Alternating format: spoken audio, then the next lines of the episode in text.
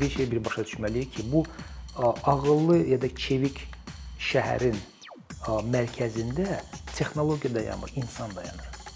Və biz bu gün bu texnologiyanı fikirləşir, çox bəlkə də adamlar çox soğuk texnologiyanı fikirləşir, amma biz fikirləşməliyik ki, insan. Bu mərkəzdə insan dayanır. Texnologiya sonra gəlir.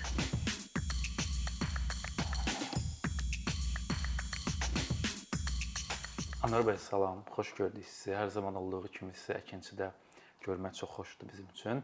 Mən istəyərdim biz bugünkü söhbətimizə bu son dövrlər tez-tez eşitdiyimiz ağıllı şəhərlər, kəndlər, ümumiyyətlə ağıllı yaşayış məntəqəsi anlayışından başlayaq ki, ümumiyyətlə bu ağıllı yaşayış məntəqələri nədir və bunların bu konsepsiyanın ortaya çıxmasına səbəb olan amillər nə idi və bu yeni ağıllı yaşayış məntəqələri ənənəvi yaşayış məntəqələrindən nə ilə fərqlənir?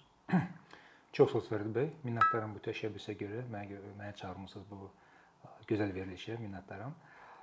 Birincisi olaraq bu ağıllı şəhər və ağıllı kəndlər konsepsiyasından danışanda biz bunun tarixini birincisi olaraq qərbdən gəlir.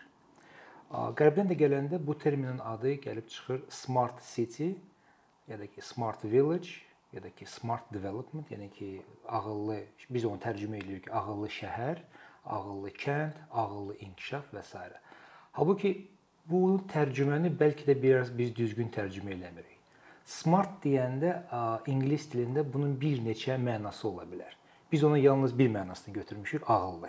Halbuki bunun ikinci mənası ola bilər ki, çevik. Və bu sözü istifadə edəndə ki, çevik şəhər, çevik kənd, çevik inkişaf, onda bəlkə də biraz bizə aydın olur ki, biz nəyi nəzərdə tuturuq. Bu çevik deyim ki, ağıllı şəhər ya da ki, ağıllı kənd konsepsiyası nədən ibarətdir? Birincisi olaraq Bu texnologiyalara çox da bağlı bir mexanizm deyil. Bizdə çox adamlar elə bilirlər ki, smart, e, ağıllı şəhər, ağıllı kənd məsələsi birincisi olaraq böyük texnologiyalarda, yüksək texnologiya düzdür. O komponent var. Hı. Amma birincisi olaraq ə, bu ağıllı şəhər ya da ağıllı kənd ə, konsepsiyası bu qərar vermə mexanizmidir. Bu texnologiyalar deyil. Bu qərar vermə mexanizmi o mənada ki, biz necə eləyə bilərik ki, bu məntəqə bu məntəqədə yaşayan insanlar ya da ki bu şəhərdə yaşayan insanlar yaxşı yaşasınlar. Nə qədər biz bunların həyatını komfortlu eləyə bilərik? Nə qədər bu insanların həyatını biz düzgün eləyə bilərik ki, bunlar problem çəkməsinlər, əziyyət çəkməsinlər. Bunu necə eləyə bilərik? Və Qərbdə bunu fikirləşdilər ki, düzdür, axırıncı 20-30 il ərzində urbanizasiya dünyada yüksək bir templə gedir. Bu Covid-19 da göstərdi ki, artıq urbanizasiyanın qabağını ala bilməyəcək. Artıq artıq 10 il 2005-ci ildə artıq biz bilirik ki, 51% insanlar şəhərlərdə yaşayır. İndi 2030-cu ilə kimi 60 70%, 75% yaxın olan insanlar, ola biraz az da ola bilsin, şəhərlərdə yaşayacaqlar. Və şəhərlərdə yaşamaqla artıq bunların problemləri də artacaq. Bu eyni zamanda bu tıxaclardan söhbət gedir. Bu infeksiyalardan söhbət gedir. Məsələn, COVID-19 bunu göstərdi ki, problemlər nədən e, irəli gəlir? Şəhərlərdən gəlir birincisi olaraq bu problemlər. Sonra insanların e, komfort həyatından gəlir. Sonra insanlara elektrik enerjidən söhbət tutmuş, e, sudan, su təchizatı, sonra zibil daşımaq, tullantılar daşımaq və s. və bu problemlər hər dəfə mövcuddurlar. Və ağıllı şəhər və ya da ki, ağıllı kənd daxil ağıllı inkişaf konsepsiyası ondan ibarətdir ki, biz nə qədər çevik bu problemləri həll edə biləcəyik. Yəni o demək deyil ki, mən burada bir gün texnoloji hansısa bir robotlara gətirirəm və artıq mənim yerimə iş eləyirlər. Bunu biraz məncə 30-40 il ərzində bunu eləyə bilmərik. Amma sırf olaraq nə qədər çevik mən hansısa bir problemi həll edə bilərəm. Smart development, yəni smart city bunu əhatə edir. Məsələn, bu gün biz görürük ki, Məsələn, tıxaclar var. Hər bir şəhəri götürsək tıxac var. Məsələn, Bakı şəhərində tıxac var, Moskvada var, Nyu-Yorkda var, hər yerdə var. Tıxac belə bir şeydir ki, demək olmaz ki, yalnız Bakının problemidir. Və işıqforlar var. İşıqforlar bu gün çox şəhərlərdə, yəni bizim də şəhərimizdə smart deyirlər. Smart nə mənada ki, yəni ora bir maşınlar yaxınlaşanda yaşıl yanır, qırmızı yanır, amma bu bu işıqforla fərqli işıqforun arasında heç bir əlaqə yoxdur. Məsələn, Qırmızı işığın qabağında dayanır məsələn 1000, 1000 dənə maşın. və artıq işıqfor o görməlidir ki, 1000 dənə maşın dayanıb və o birisi işıqfora siqnal yollamalıdır ki, sizin üstünüzə 1000 dənə maşın gəlir. Yolu boşaldınız. Artıq burada işıqforlar bir-birinə əlaqə saxlayaraq, bu da insan deyil. Yəni insan dayanmır burada hansısa bir mexanizmlə bunu necə deyim ki, tənzimləmir. Bu svetoforlar, işıqforlar özləri öz aralarında hansısa bir alqoritmlə bu mexanizmi tənzimləyirlər və çalışırlar bu tıxacı aradan qaldırsınlar. Zibil tullantılarında, məsələn, Finlandiyada, Şvetsiyada, İsveçdə belə bir mexanizmlər var ki, hər bir zibil qutuların altında, yəni böyük zibil qutuların altında balaca datçiklər var, sensorlar var. O sensorlar nəyi göstərir? O sensorlar siqnal verirlər tullantılar, maşınlara, hansı ki, tullantılar aparırlar ki, ha vaxt ki bu zibil qutusu dolur. Və hər gün o maşın gəlmir o yerə. Ola bilsin ki, 2 gündən bir gəlir, 3 gündən bir gəlir. Yalnız siqnal alandan sonra gəlir o maşın. Bu da sadə bir mexanizmdir. Bu da nəyin əsasında var? Birincisi o texnologiyamız gördünüz. Yəni texnologiya bu sensor texnologiyasıdır. İkincisi olaraq datanı bir-birinin arasında köçürməkdir, internet vasitəsilə və s. və s. və ondan sonra da hansısa bir maşın gəlir və məsələni həll edir. Görürsüz, bu biraz çevik məsələsidir. Burada ağıllı deyəndə biz o, o yenə deyim ki, bu robot məsələsi deyil. Bu o ağıllı olmayanda deyil. Burada çeviklikdən söhbət gedir. Anladım. Bu ə, smart yaşayış məntəqələri Azərbaycan ictimaiyyətinin gündəminə məncə daha çox müharibədən sonra azad edilmiş bölgələrdə bu yenidən qurma işləri başlayandan sonra daha çox gündəmə gəldi və bu baxımdan yanaşsaq sizcə smart şəhərlər bu sülh quruculuğu prosesinə, icmaların bəlkə yaxınlaşması və bu e, münaqişənin dayanıqlı həllinə bir kömək edə bilərmi belə bir yanaşma? Əlbəttə, əlbəttə. Bilirsiniz necə artıq hansısa bir böyük şəhərlərdə hansısa bir təzə texnologiyaları, təzə məsələn internet çəkməsi və s. biraz ola bilsin ki, çətin olsun. Amma siz sıfırdan təzə bir şəhər tikəndə artıq bunun planlaşdırılmasında belə mexanizmlər qoya bilərsiniz ki, hansı ki sizə asan da olacaq gələcəkdə burada smart konsepsiyaları istifadə etmək. Məsələn, bu gün Azərbaycan Bakı şəhərində smart işıq forları qoymaq üçün bəlkə də milyonlarla pul xərcləmək lazımdır. Tamamilə köhnə işıq forları çıxartmalıyıq, təzələri salmalıyıq, təzə liniyaları salmalıyıq, interneti təzədən e, yeniləməliyik və s. Yəni ki, prosedur biraz infrastruktur olaraq çox böyük bir infrastrukturdur. Yəni ki, smart məsələn su təchizatı Bunu eləmək üçün bəlkə də təzədən infrastruktura tikməlisiniz. Ya da ki, smart qaz, məsələn, smart qazımız var da ən azı. Amma bu smart texnologiyanı təzədən gətirmək üçün və bunu çevik eləmək üçün bəlkə də Bakıda biraz çox çətin olacaq, nəinki təzə şəhərlərdə, məsələn, Füzulidə, Zangilanda, Cəbrayılda, Qubadlıda, Laçında və, və Kəlbəcərdə və, və, və eyni zamanda Ağdamda da. Yəni orada bəlkə ola bilsin ki, asan da olsun bunu eləmək. Bu bir olaraq. İkinci tərəfdən bu çevik şəhərləri necə bizə kömək edə bilər ki, o regionlarda birincisi olaraq təzə inkişaf təzə ki, inkişaf üçün təkan verəcəkdir. Birincisi olaraq biz bu gün məcburi köçkünlərə siqnal yollamalıyıq ki, siz artıq qaydanda bu ərazilərə, yəni ki, sizin həyatınız asan olacaq. Sizinki indiki həyatınızdan orada qat-qat yaxşı olacaq. Ona görə bu smart ağıllı kənd ağıllı şəhər konsepsiyası biz bunu danışanda biz eyni zamanda siqnal yollayırıq ki, təzə köç köçənləri ora olsun məcburi köçkünlər, olsun hansı bir gənclər köçməyə istəyirlər ora ki, sizin həyatınız artıq burada fərqli olacaq o bir regionlardan.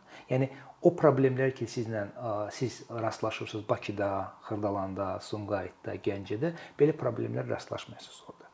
Və eyni zamanda da bir şey bir başa düşməliyik ki, bu ağıllı ya da çevik şəhərin mərkəzində texnologiya dayanmır, insan dayanır. Və biz bu gün bu texnologiyanı fikirləşir, çox bəlkə də adamlar çox soğuk texnologiyanı fikirləşir, amma biz fikirləşmirik insan. Bu mərkəzdə insan dayanır. Texnologiya sonra gəlir. Biz onu başa düşməliyik.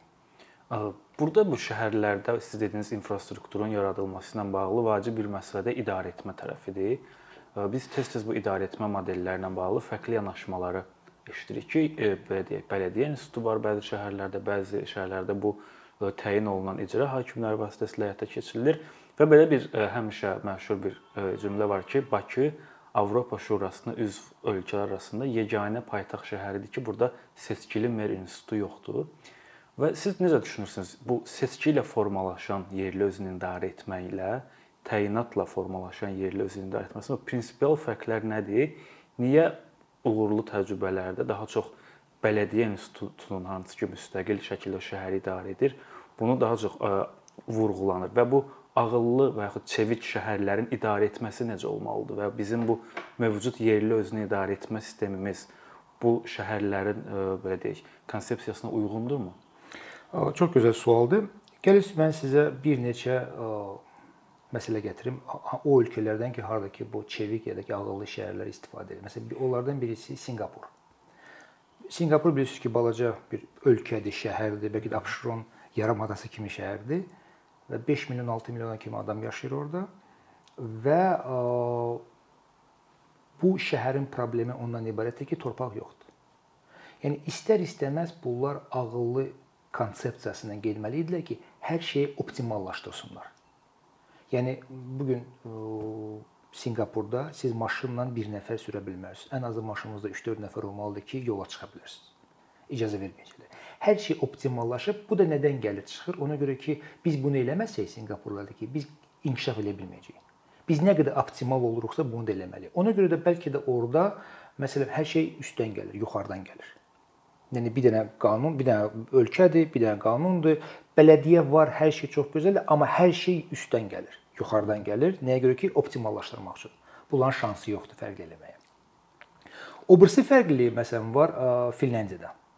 Məsələn Finlandiyada Helsinkidə ağıllı şəhər konsepsiyası da orada istifadə olunur, amma orada fərqli bir düşüncə ilə idi. Deyir ki, bizdə torpaqda problem yoxdur. Bizə sadəcə olaraq nə etməliyik ki, insanlar yaxşı yaşasınlar. Və burada insanları birincisi olaraq mərkəzə qoyublar ki, insanlar qərar vermə mexanizmində iştirak etməlidirlər.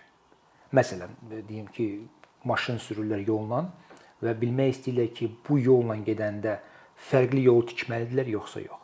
Bunu artıq ə, məmurlar qərar vermirlər. Bunlar artıq bu adamlardan kim ki maşın sürürlər, onlardan soruşurlar. Məsələn, elektron səs vermə baş verir, deyirlər ki, hansı yolla tikək və s. və insanlar orada iştirak eləməklə, səslərini verməklə, onlar qərara gəlirlər ki, bu yolu ona görə ki, belə baxanda sürücüdən başqa kim yaxşı bilər ki, yolu hardan keçirməlidir? Yəni mən sürücüyəm, mən bilərəm ən yaxşı ki, məmur məndən bilməyəcək ki, yaxşı. Yəni mən bilirəm. Məni kimi adamlar, minlərlə adam bu yolla gedirlərsə, deməli bunlar bilirlər ki, ən yaxşı optimal yol nədir ki, bu insanlar üçün və onun əsasında artıq qərar vermə mexanizmi olur. Burada görürsünüzsə Helsinkidə burada söhbət effektivlikdən getmir, yəni optimallaşdırmadan getmir, qərar vermə mexanizmindən gedir. Sinqapurda qərarı verir dövlət Hı -hı. və deyir ki, bunu necə biz eləməliyik ki, optimallaşdırmaq üçün. Helsinkidə isə, Finlandiyada, Şvetsiyada isə, İsveçdə isə bu qərar vermə mexanizmi insanlar verirlər. İkisində də ağıllı şəhərdir. İkisində də ağıllı ya da ki çevik bir yanaşmadır. Amma fərqlilik bundadır. Bu gün Azərbaycanda problem mən sizə deyim bələdiyyə ya da ki icra hakimiyyəti orqanlarından problemi deyil. O barədə biz qayıdacağıq bu məsələyə. Birincisi problem odur ki, cürbəcür qurumların arasında koordinasiya olmamasıdır. Yəni ingilislərdə bir dənə yaxşı söz var, governance. Yəni dövlət yox, idarəçilik. Yəni ki var government, yəni bu ölkə dövlət deməkdir. Var isə ya dövlət ya hansısa bir qurum, var isə governance. Governance isə elə bil ki qurumların öz aralarında koordinasiyası, harmonization deyirlər də buna. O mənada ki, bunlar bir-birindən uyğunlaşdırırlar öz siyasətini. Məsələn, gəl özündə artıq baxaq Bakı şəhəridir. Bakı şəhərində A nöqtəsindən B nöqtəsinə kimi insanı aparmaq üçün bəlkə də bizdə 4 dənə, 5 dənə qurum məşğul olur. Bu birincisi olaraq metrodur. Hı -hı. Bakı Nəqliyyat Agentliyidir. Sonra dəmir yoludur. Sonra şəxsi avtobuslardır və bir neçə ay bundan əvvəl 5-ci qurum var idi ki, icra hakimiyyətləri. İndi məsələn bir neçə gün əvvəl bəyanatını verdilər, Bakı Nəqliyyat Agentliyi verdilər icra hakimiyyətinin strukturuna. Çox da gözəl bir qərar idi. Düzdür. Yəni ki, bu paralel qərar, paralel qurumlar olmaz, olmaz. Düzgün deyil iki dənə paralel qurum eyni şeylə məşğul olsunlar. Ona görə BNN icra hakimiyyətinin Bakı meriyasının altında olması çox gözəl qərardır. Düz idi. Vaxtında onu çıxarmışdılar ki, bunu məsələn effektivləşdirsinlər, yaxşı təşkilat eləsinlər və elədilər. Və təzədən də qaytarıblar onu icra hakimiyyətinə. Bu da düzgün qərar idi. Sadəcə olaraq bundan başqa yenə deyim ki, burada metromuz var hələ. Sonra dəmir yollarımız var. Sonra şəxsi ə, məsələn liniyalarımız var. Onu. Onları da bir yerə gətirmək lazımdır. Yəni ki, demək deyir ki, bir qurumun altında. Sadəcə bir qurumun altında olmasa da bunun arasında bir koordinasiya olmalıdır. Məsələn deyirsiniz ki, ağıllı şəhər. Yəni ki, bu gün mən hardansa harasa getmək istəyirəm. Mən indi burada otura-otura mən başa düşməliyəm ki, mən burdan çıxaraq, məsələn, olsun application, olsun telefonum, başa düşməliyəm ki, mən hansısa bir rayona necə gedə bilərəm. Yəni olsun regiona, olsun Bakının hansısa birisi fərqli yerinə necə gedə bilərəm. Aha, mən burdan çıxanda mən avtobusa gedirəm. Avtobus 7 dəqiqəyə çatır metroya. Oradan mən metroya minirəm. Metro da 2 dəqiqədən sonra gedir. Hamısı bir-birinə bağlıdır. Amma bizdə məsələn ola bilsin ki, avtobus fərqli bir qrafiklə gedir. Metro fərqli bir qrafiklə gedir. Qatar fərqli qrafiklə gedir. O birisi qurumlar isə tamamilə fərqli qrafiklə gedir. Yəni bunları bir yerə gətirib və uyğunlaşdırmaq ağıllı şəhərin bir konsepsiyasıdır. Yəni burada mən sizə deyim, burada bələdiyyə hələlik məsələsidir, icra hakimiyyəti sadəcə bir bir uyğunlaşdırmaq sistemi lazımdır eləmək. Hər yerdə. Məsələn, olsun intellektual intellektual idarəetmə olsun, olsun, Bakı Nəqliyyat Agentliyi hamısı, amma hamısını bir dənə çərçivəyə gətirmək lazımdır. Bu birinci məsələ. Bələdiyyələrlə icra hakimiyyətlərinin məsələsində isə bildiyiniz kimi bir neçə gün əvvəl Gəncə şəhərində məsələn 2 dənə rayon ləğv olundu. Məsələn Kəpəz rayonu və Nizami rayonu və onların səlahiyyətləri bələdiyyələrə verildi. Bildiyim qədər. Yəni ki, bu da düzgün qərar idi. Nə mənada ki, bu çox bir yerlərdə bu paralelizmi, yəni ki, eyni şeyi, yəni eyni qurumların eyni elədiyi şeyləri yığışdırır. Sadəcə bələdiyyə verilməsi və bu icra hakimiyyəti orqanların ləğv edilməsi bəlkə çox da gözəl qərardır. Məsələn, gələcəkdə elə planlar da belə idi ki, əvvəldən 99-cu ildə bələdiyyələri yaradanda ki, hansısa bir momentdə icra hakimiyyətlərinin səlahiyyətləri verəcəklər bələdiyyələrə. Və bu qərar yaxşı olardı ki, gələcəkdə mən inanıram ki, bu belə bir ki, islahatlar elə o yol o yolla gedir və gələcəkdə bütün bələdiyyələrin icra hakimiyyətinin səlahiyyətləri yavaş-yavaş veriləcək bələdiyyələrə. Bu nəyə görə yaxşıdır? Birincisi olaraq deyək ki, şəhərləri idarə edəndə, hansısa bir kəndləri idarə edəndə bələdiyyədən yaxşı bilən yoxdur informasiyanı. Yəni ki, onlar artıq yerlərdə işləyirlər. Bütün məlumatı onlar bilirlər. Bu bir. İkincisi olaraq hansısa bir çeviklik deyirik də, yəni ki, hansısa bir problem yaradanda hansısa bir kənddə ya da ki, şəhərdə artıq biz yuxarı ə, qurumu gözləmirik, gəl bizim məsələmizi həll etsin. Yəni ki, bu çeviklik, bu da smart bu mənada, yəni görürsüz, texnologiya deyil. Bu çeviklikdir. Nə qədər tez mən bu məsələni həll edəcəm. Texnologiyalar sonra gəlirlər. Texnologiya onsuz da gələcəklər. Məsələn, bizdə hər yerdə texnologiyamız inkişaf eləyir və qərbdən də gələcək bu texnologiya. Sadəcə yox, nə qədər tez siz qərar vermə mexanizmi eləyirsinizsə, bu deməkdir ağıllı şəhər. Bu deməkdir ki, sizin şəhəriniz çevikdir ya da ki, sizin məntəqəniz çevikdir. Nə qədər tez siz problemi həll edə bilirsiniz. Və ə, ikinci məsələ ondan ibarətdir ki, bu bunu eləmək üçün sizə hər dəfə data lazımdır. Data yəni ə, məlumatlar, insanlardan gələn data və bu datanı düzgün analiz eləyib, e, təhlil eləyib təzə qərar vermək mexanizmi. Bu hamısına elə bir ki, ağıllı şəhər, ağıllı məntəqə deyirlər. Bu şəhərlərlə bağlı bir məqam da var. Siz qeyd etdiniz ki, bütün dünyada əslində son dövrlərdə şəhər əhalisinin sayı artmaqdadır. Amma bir çox ölkələrdə belə deyil, bu ikinci şəhər fenomeni var. Siz Gəncənin adını çəkdiniz ki, Azərbaycan Sumqayıtı mən bundan biraz ayrı tutmaq istəyirəm, çünki Bakıya çox yaxındır, amma Gəncə müəyyən qədər uzaqdadır. Amma baxırıq ki, sırf iqtisadi göstəricilərinə görə Gəncənin ə, e, iqtisadiyyatı Bakıdan 50-60 dəfə məhsul buraxılışı azdır. Və nəinki iqtisadi göstəricilər, şəhər infrastrukturu baxımından ciddi fərqlər var. Yəni mən digər ə, e, rayon mərkəzlərini qırağa qoyuram. Ölkənin ikinci ən böyük şəhərində yenə biz dediyimiz metro yoxdur, tramvay xətləri yoxdur. Eyni zamanda bu nəyə səbəb olur? Digər tərəfdən biz görürük ki, Bakının rəsmi olaraq əhalisi təxminən 2.3 milyon nəfərdir, amma qeyri-rəsmi hesablamalara görə bu 3.5 milyon 4 milyona qədər çatır. Və hətta tək Bakı yox, Bakıya yaxın yaşayış məntəqələri bu yaxınlarda Abşeron rayon icra hakimi çox maraqlı bir rəqəm açıqladı ki, Xırdalan şəhərində 5 məktəbin ortalama şagird tutumu 1300-1800 nəfərdir. Amma hal-hazırda Xırdalan məktəblərində 6000-dən çox şagird təhsil alır. Yəni məktəbin tutumunun 3 dəfə daha çox. Bu onu göstərir ki, tək Bakı yox, Bakının ətrafındakı yaşayış məntəqələrində ciddi bir əhalinin köçü var. Maraqlıdır ki, bu Bakı və digər respublika tabeli şəhərlər arasında infrastrukturun bu qədər ciddi fərqlənməsinə ilə bağlı. Çünki 2000-ci illərin ortalarından etibarən ölkəyə bu neft gəlirləri başlayanda biz Bakıda Bakının simasında ciddi bir dəyişiklik gördük və şəhərin infrastrukturda müəyyən qədər inkişaf etdi.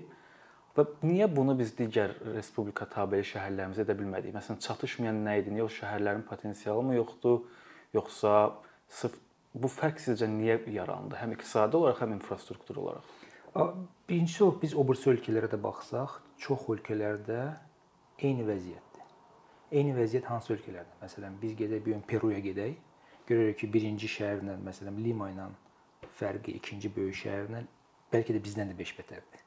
Bəlkə bizdən də artıqlaması. Amma məsələn digər tərəfdən qonşu Gürcüstanda bir Batum örnəyi var. Bizim niyə bir Batum? Düzdür. Məsələn Limadır və ikinci böyük şəhərdir. Məsələn Serbiyaya getsəz, o da Avropadır. Məsələn onlarda hətta deyirlər ki Belgradization of Serbia, yəni ki Serbiyanın Belqradizasiyası. Yəni ki hər yerdə Belqradda, elə Belqraddan başqa heç nə məsələn inkişaf eləmir. Bu fenomen çoxsu olaraq Asiya və Latın Amerika ölkələrində olur. Nəyə görə olur ki, o da ən birinci problem iş yerlərinə bağlı. Məsələn, bildiyiniz kimi, məsələn, bu gün 80% deyə bilərəm ki, məncə 80% ümumi daxili məhsul Bakıda istehsal olunur. Bu da nəyə görə? Çoxsuluq neftə görə. Neftə görə və neftdən də gələn gəlirlər harda otururlar, investisiya hara gedir, yenə də Bakıya gəlir. Ona görə e, insanlar o yerlərə gedəcəklər ki, hardakı pul var, hardakı iş yeri var. Yəni bu gün biz nə qədər istəsək deyək ki, məsələn Bakı şəhərində gəlmirik, rayonlarda qalırıq, biz orada iş yeri açaq və s. və s. Burada insanlar çox qazana bilərlər ki, nəinki hansısa bir obursa şəhərdə. İstəyirsiniz belə eləyirsiniz, istəyirsiniz, istəyirsiniz qəbul edirsiniz, qəbul eləmirsiniz. Amma budur. Bəlkə də bir 10 il, 20 il belə də baş verəcək. Yəni biz onun qabağını ala bilməyəcəyik. Bu da təbii prosesdir.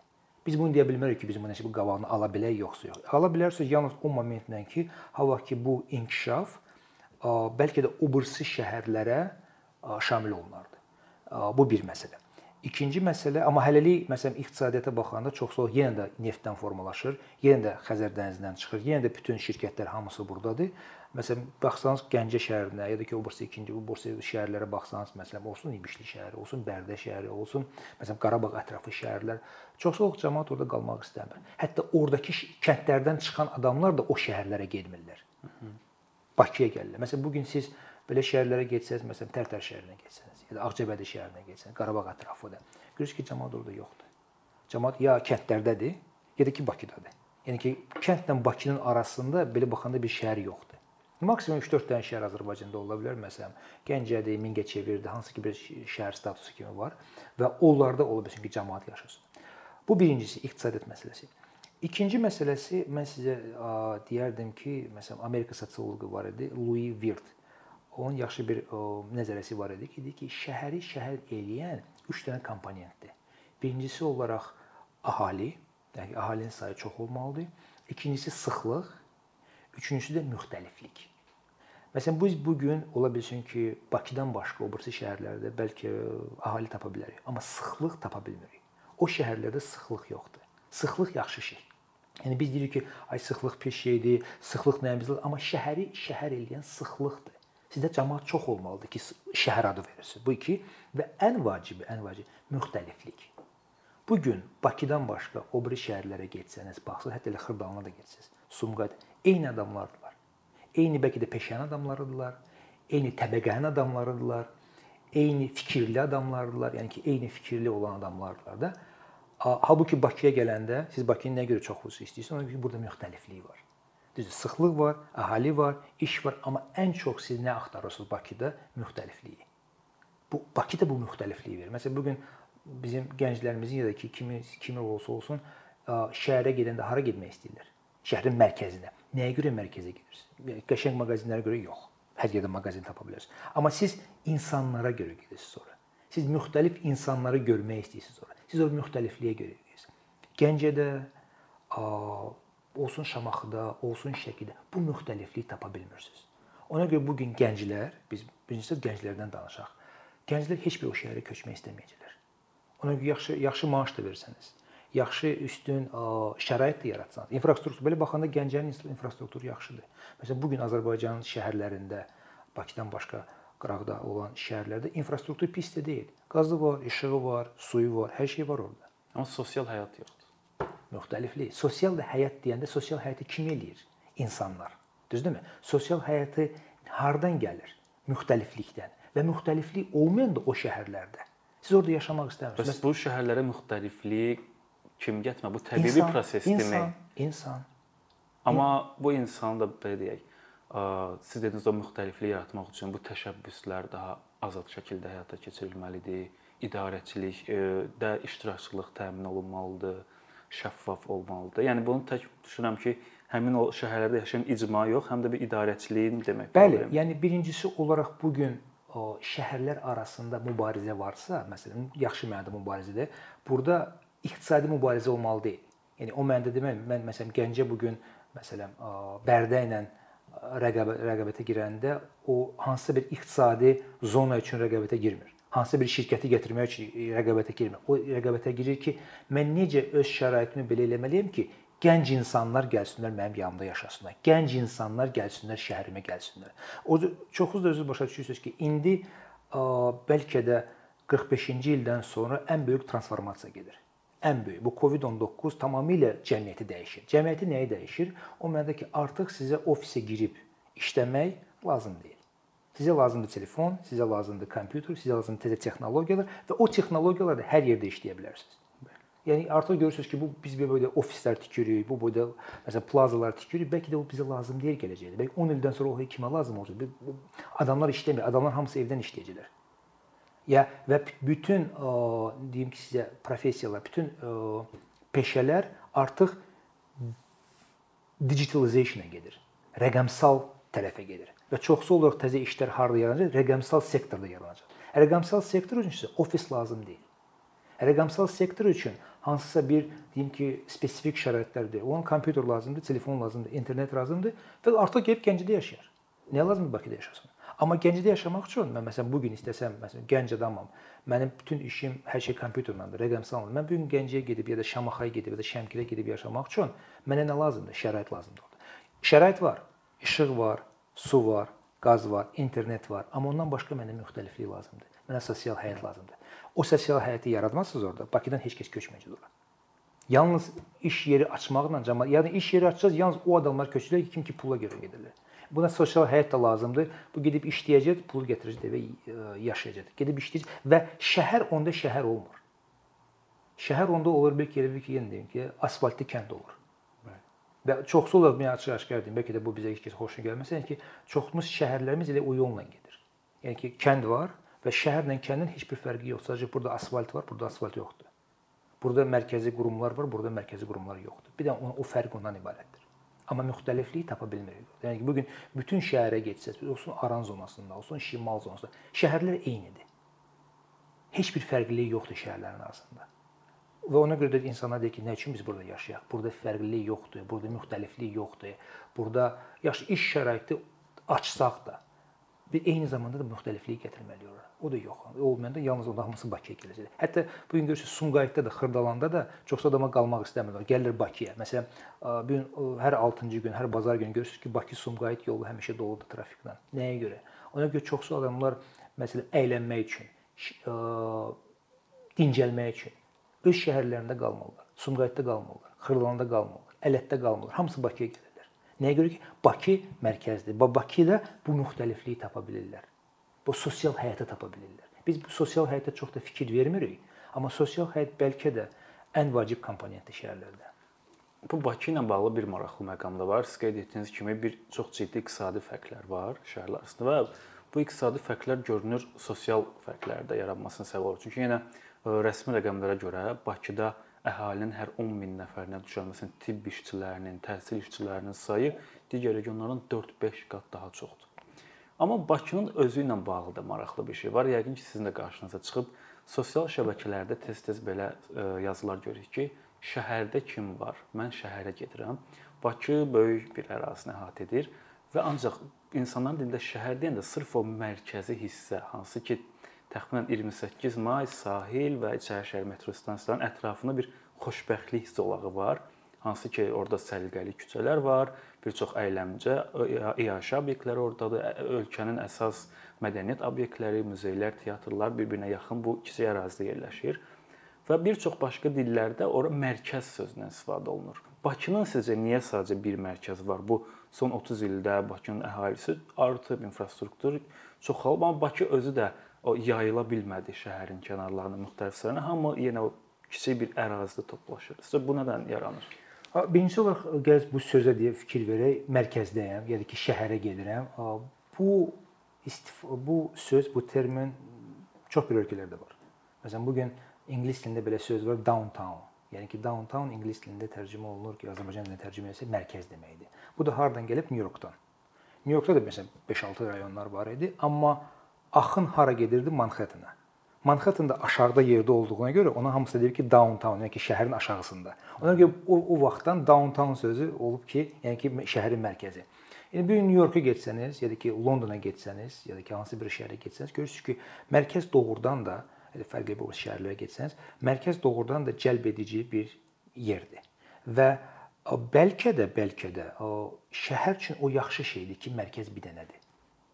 Bəlkə də yaxşı şeydir. Nə mənada? O mənada ki, hamısı axın bir yerə olur və o axında insanlar mərkəzə yığılır, yığılırlar və eyni zamanda da burada eyni zamanda da sıxlıq yaranır. Siz eyni mərkəzləri 5-6 yerdə eləsəniz, sıxlıq yaranmayacaq. Məsələn, Dubayı götürək. Hamı bizdə deyir ki, Dubay çox gözəl şəhərdir və inkişaf olunmuş. Mən bu gün Dubayı şəhər saymıram. Dubay nədir? Dubay sadəcə 5-6 dənə mərkəzlərdir. Məsələn, internet şəhəri var orada, o sonra şəhər var orada, maliyyə şəhəri var və s. 5-6 dənə şəhərdir. Aralarında da böyük bir yollar gedir. Bunlar belə tikdilər. Bəlkə ərazi çox idi. Kəs belə planlaşdırır şəkildə və 5-6 dənə balaca-balaca şəhərlər tikdilər. Deyək ki, bunun adı Dubay qoyuldu. Balaca-balaca rayonlar tikdilər.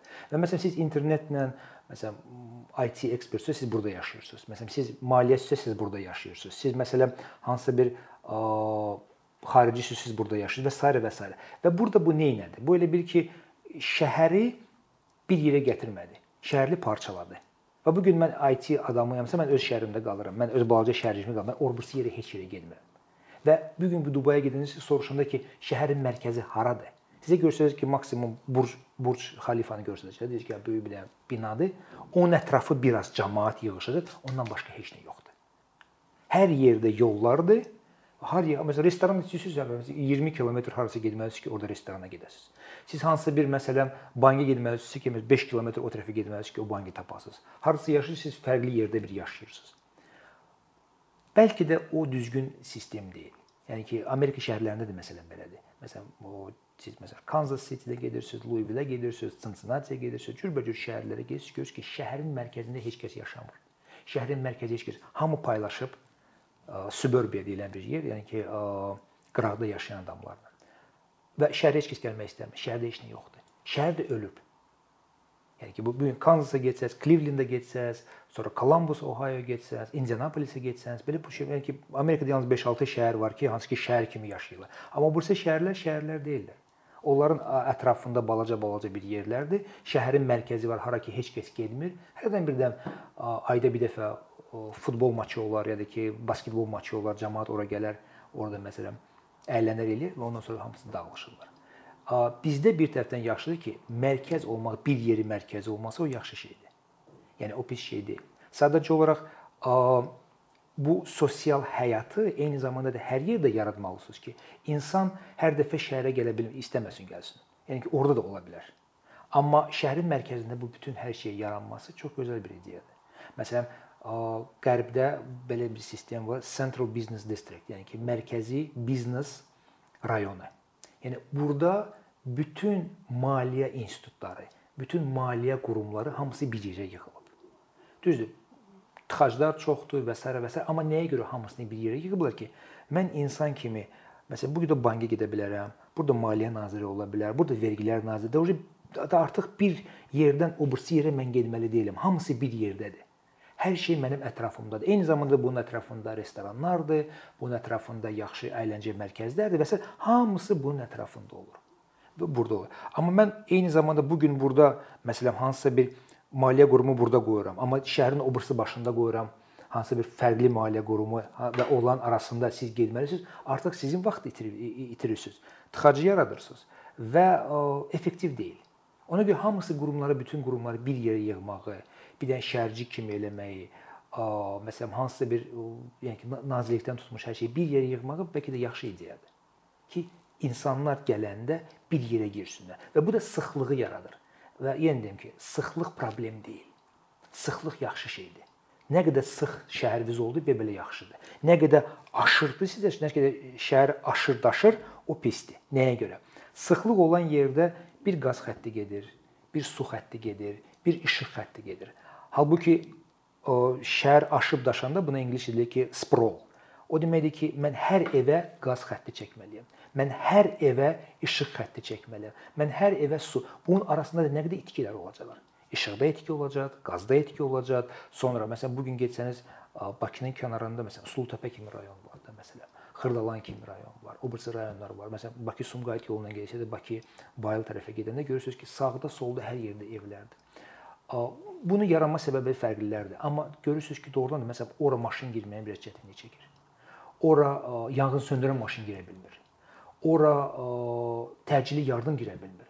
Hətta məktəblər də yoxdur orada. Deyirsiniz ki, bu gün məsələn Xırdalanda nəyə görə? Ona görə ki, bütün cəmaət bu səpələnmiş rayonlarda yaşayan. O şəhərləri qura kimi planlama olmayıb. Planlama kör təbii şəkildə. Kör təbii olub. Bu da bu da yəni ki, Latın Amerikada məsələn bu gün getsəz görürsüz eyni şeydir.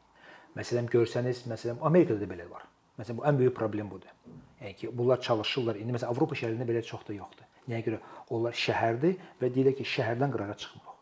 Yəni onlarda kənd konsepsiyası hələm qalıb. Məsələn, şəhər ətrafı konsepsiyası qalıb. Amma bu gün Amerikaya getsəniz görürsüz ki, şəhərdir və səpələnmiş rayonlar. Nəyə görə? Hər insan istəyir öz evi olsun. Hər insan binaya girmək istəmir. Və ona görə gedir qırağa, qıraqda ev tutur, qıraqda ev yaşayır, ev ev tikir və biz bunun qabağını ala bilmirik. Bu şəxsi, şəxsi fikirdir. Yəni bu Amerikanlarda American Dream'dir. American Dream nə deyirlər? Arzusu. Arzusu. Azərbaycanın arzusu da bəlkə də öz evidir. Yəni binada yaşamaq istəmir. Bu demək, olmaz ki, yaşama orada gəl binada yaşa. Amma biz burada bir belə mexanizm qurmalıyıq ki, onlar istəməsinlər orada yaşamağı. Gəlsinlər şəhərə dolsunlar. Gəlsinlər şəhərə qayıtsınlar. Və şəhər həyatını belə eləməliyik ki, stressiz ki, insanlar qaçmasınlar şəhərdən. Şəhərdə yaşamaq istəsinlər. Ona görə də burada ağıllı şəhərdir, ağıllı kənddir, ağıllı dedi ki, çevik inkişaf kömək eləməlidir ki, mən bu gün bu şəhərdə stressiz, rahat yaşaya bilərəm. Oldu. Çox təşəkkür edirəm Anar müəllim. Çox xoş oldu müzakirəsinə. Çox sağ olun. Bir neçə ildir ki, əkinçi olaraq Azərbaycanlı izləyicilərin hər zaman faydalana biləcəyi keyfiyyətli və ən əsas ödənişsiz kontent hazırlamağa çalışırıq. İndiyədək təqdim etdiyimiz onlarla animasiya və yüzlərlə çəkilişlər tələbələrin, mütəxəssislərin, müəllimlərin və ümumiyyətlə yeni mövzulardan xəbərdar olmaq istəyən çox sayda insanın marağına səbəb olub. Bu illər ərzində hazırladığımız videolar təhsil, texnologiya, ictimai fəallıq, iqtisadiyyat, gender bərabərliyi, ətraf mühit, ifadə azadlığı, hüquq, demokratik inkişaf, mədəniyyət və digər mövzuları əhatə edib. Məqsədimiz çoxlu baxış gətirən deyil, çoxlu fayda gətirən videolar hazırlamaqdır. Amma bu düşündüyümüz qədər asan deyilmiş. Gördüyümüz iş kifayət qədər resurs, əmək və təbii ki, davamlılıq tələb edir. Bu səbəbdən Patreon platformasından istifadəyə başladıq. Əkinçinin Patreon hesabının populyarlaşmasına çox böyük ümidlərimiz və gözləntilərimiz var. Bəziləriniz Patreon haqqında ilk dəfə eşidirsiniz. Əslində çox sadə izahı olan bir platformadır. Təsəvvür edin ki, siz rəssam və ya musiqiçisiz. Sosial şəbəkələrdə sizi izləyən, işinizi bəyənən çox sayda insan var. Patreon platforması sizə imkan verir ki, izləyicilərinizin könüllü aylıq ödənişləri sayəsində işinizi davam etdirəsiniz. Sərgi, konsert zallarından asılı qalmayasınız. Amma bu təkcə rəssam və musiqiçilərə aid deyil. Məsələn, əkinçiyə bənzər fəaliyyətlə məşğul olan bəzi layihələrin 10 minlərlə patronu var. Biz də düşündük ki, nə üçün əkinçinin Patreon hesabı olmasın? Sizin dəstəyiniz sayəsində biz daha çox və daha keyfiyyətli kontent yaratmağa davam edə biləcəyik. Amma bu dəstək yalnız maddi dəstək deyil. Dəstəkçilərimizin sayının artması gördüyümüz işlərin faydalı olduğuna dair əminlik verir. Patreon platformasından istifadə çox sadədir. Hesabınızı açırsınız, sizə uyğun dəstək növünü seçirsiniz və Patreon özü hər ayın ilk günü kartınızdan seçdiyiniz dəstək növünə uyğun ödəniş tutur. Bu qədər. Sonda onu demək istəyirik ki, dəstəkçilərin sırasına qoşulmaq istəyən, amma məhdud imkana görə bunu edə bilməyənlər narahat olmasın. Daha öncə dediyimiz kimi, bizim əsas məqsədimiz daha çox insanın hər zaman faydalana biləcəyi keyfiyyətli və ödənişsiz kontentin yaradılmasıdır. Bunun üçün mütləq patronumuz patronunuz olmalısınız deyə məcburiyyət yoxdur. Amma imkanınız patron olmağa çatırsa və bizim işimizi bəyənirsinizsə, patronlarımızın sırasına qoşulmağınız bizim üçün çox önəmlidir.